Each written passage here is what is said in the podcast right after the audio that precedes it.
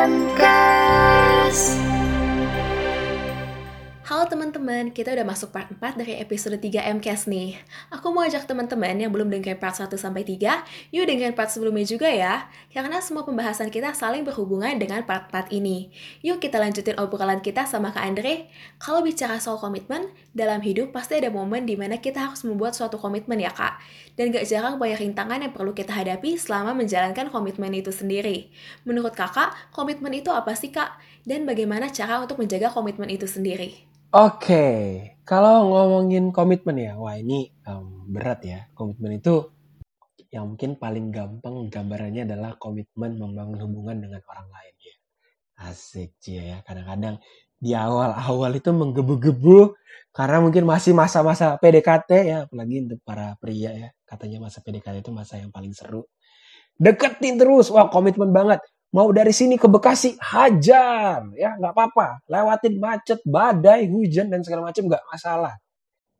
Katanya semua demi cinta. Kalau udah sayang sama orang tuh nggak bisa lagi. Nggak ada lagi yang bisa uh, uh, menghalangi untuk melakukan sesuatu gitu ya. Katanya gitu. Lama-lama sebulan pacaran dua bulan pacaran tiga bulan pacaran ke Bekasinya mulai males ya kan macet-macet suka marah-marah dan lain sebagainya sampai-sampai ke Bekasinya sebulan sekali ya kan? Ya akhirnya putus juga ya kan? Ya kurang lebih kayak gitu lah ya ceritanya ya. Cuman memang gambarannya adalah ternyata komitmen itu bisa jadi sesuatu yang wah bisa jadi kelihatannya itu orang punya komitmen lebih di awal. Tapi bagian yang paling sulitnya teman-teman bukan bikin komitmennya bukan bangun komitmennya gitu ya. Karena bikin dan bangun komitmennya itu ya sesimpel kita punya goals apa Oke, misalkan goalsnya adalah saya pengen ada uh, seribu mahasiswa UPH yang berhasil mendapatkan uh, achievement dari pemerintah. Ya, uh, saya nggak tahu achievement apa ya ini kira-kira aja. Caranya adalah dengan memberikan pelatihan yang intens kepada seribu mahasiswa ini, baik dari segi leadership, komunikasi, kemampuan spiritual dan lain sebagainya. Sehingga waktu ada kompetisi mereka bisa bergabung dan mereka mendapatkan achievement, and so on, and so on, and so on. Udah jelas tuh tujuannya apa, targetnya mau capai apa, tujuannya apa, cara untuk mencapainya seperti apa, dilakukan berapa kali, pelatihannya berapa kali, and so on and so on. Weh.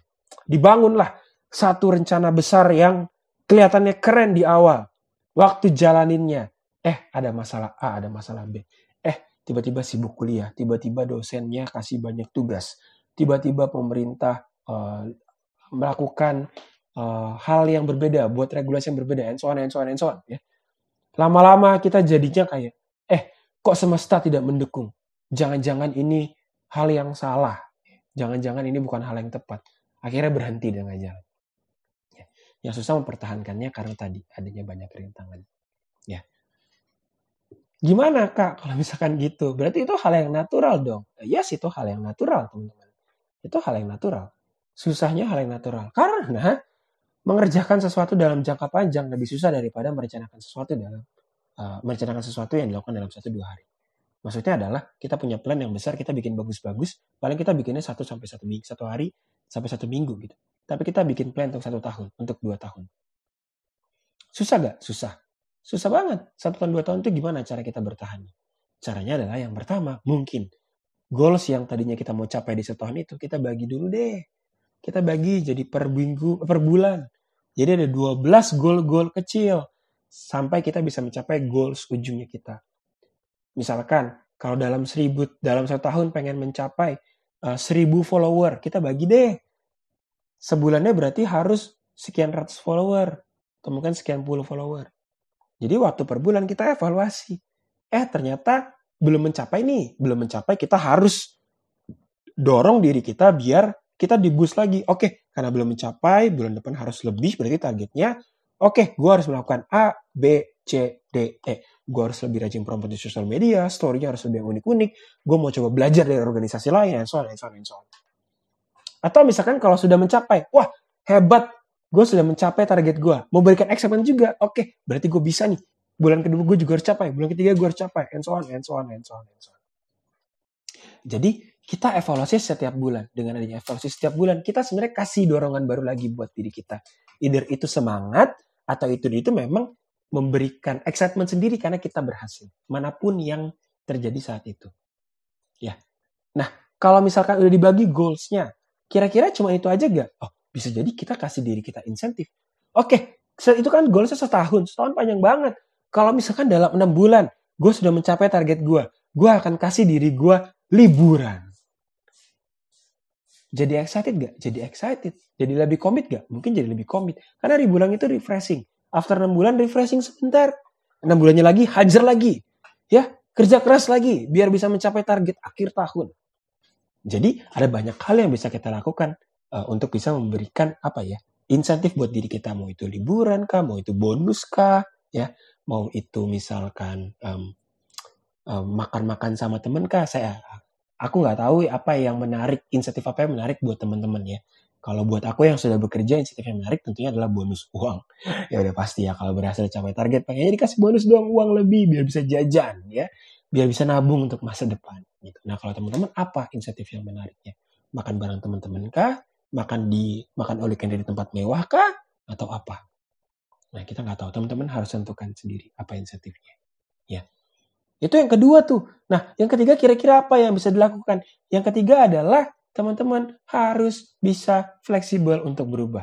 Eh kok aneh? Jadinya nggak komitmen dong. Ah ini sesuatu yang menarik nih kita bukan nggak komitmen.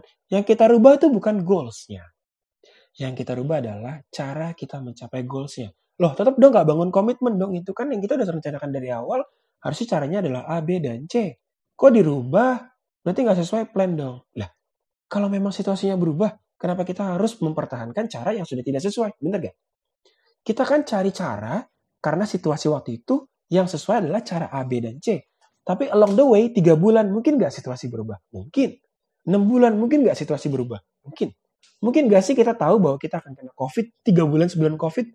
Mungkin nggak tahu, tapi kita berasumsi mungkin ya ini akan akan lewat begitu saja dari Indonesia. Mungkin nggak enam bulan yang lalu kita tahu ini akan COVID? Nggak tahu. Tapi ketika COVID kita mau berubah nggak? Ya harus berubah. Kan kita udah bikin rencana lima tahun, Kak. Ya kan? Gimana kalau udah COVID kalau nggak berubah? Nggak mungkin dong, ya kan? Jadi being flexible dengan cara yang kita harus lakukan, it's a good thing loh.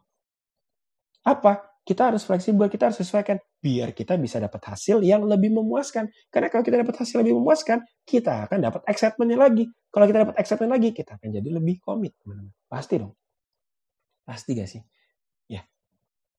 Jadi um, butuh untuk berubah caranya. Goalsnya, kalau bisa jangan berubah. Kan goalsnya yang pengen dicapai.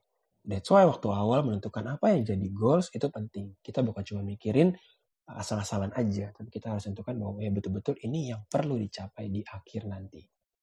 Kak kurang jelas ah goalsnya ya bisa goals diri sendiri. Kamu lulus kuliah 3 tahun mau jadi apa? Mau lulus kuliah dengan IPK berapa? Mau punya sertifikat berapa banyak? CV-nya mau diisi dengan apa aja? Tergantung kamu punya goalsnya apa. Ya, kalau organisasi gimana? Ya kamu dalam setahun mau melahirkan berapa leader, mau punya berapa program, programnya mau selesai semua atau enggak, duitnya yang dihasilkan mau berapa banyak, proposal dan LPJ-nya mau tepat waktu atau enggak ya ini suka banyak orang-orang ya yang telat ya LPJ-nya proposal sih cepat karena kan di, di, dipaksa harus cepat ya tapi LPJ-nya ntar lama LPK-nya ntar lama gitu ya nah, kita harus pasang target kita sendiri kita maunya seperti apa biar apa biar ketika kita sudah lewati masanya kita masa periode kita satu tahun atau masa kuliah kita tiga tahun, kita bisa punya kesenangan sendiri, joy sendiri. Wah, ternyata saya berhasil. Nah, itu yang pengen dilihat dan dicapai.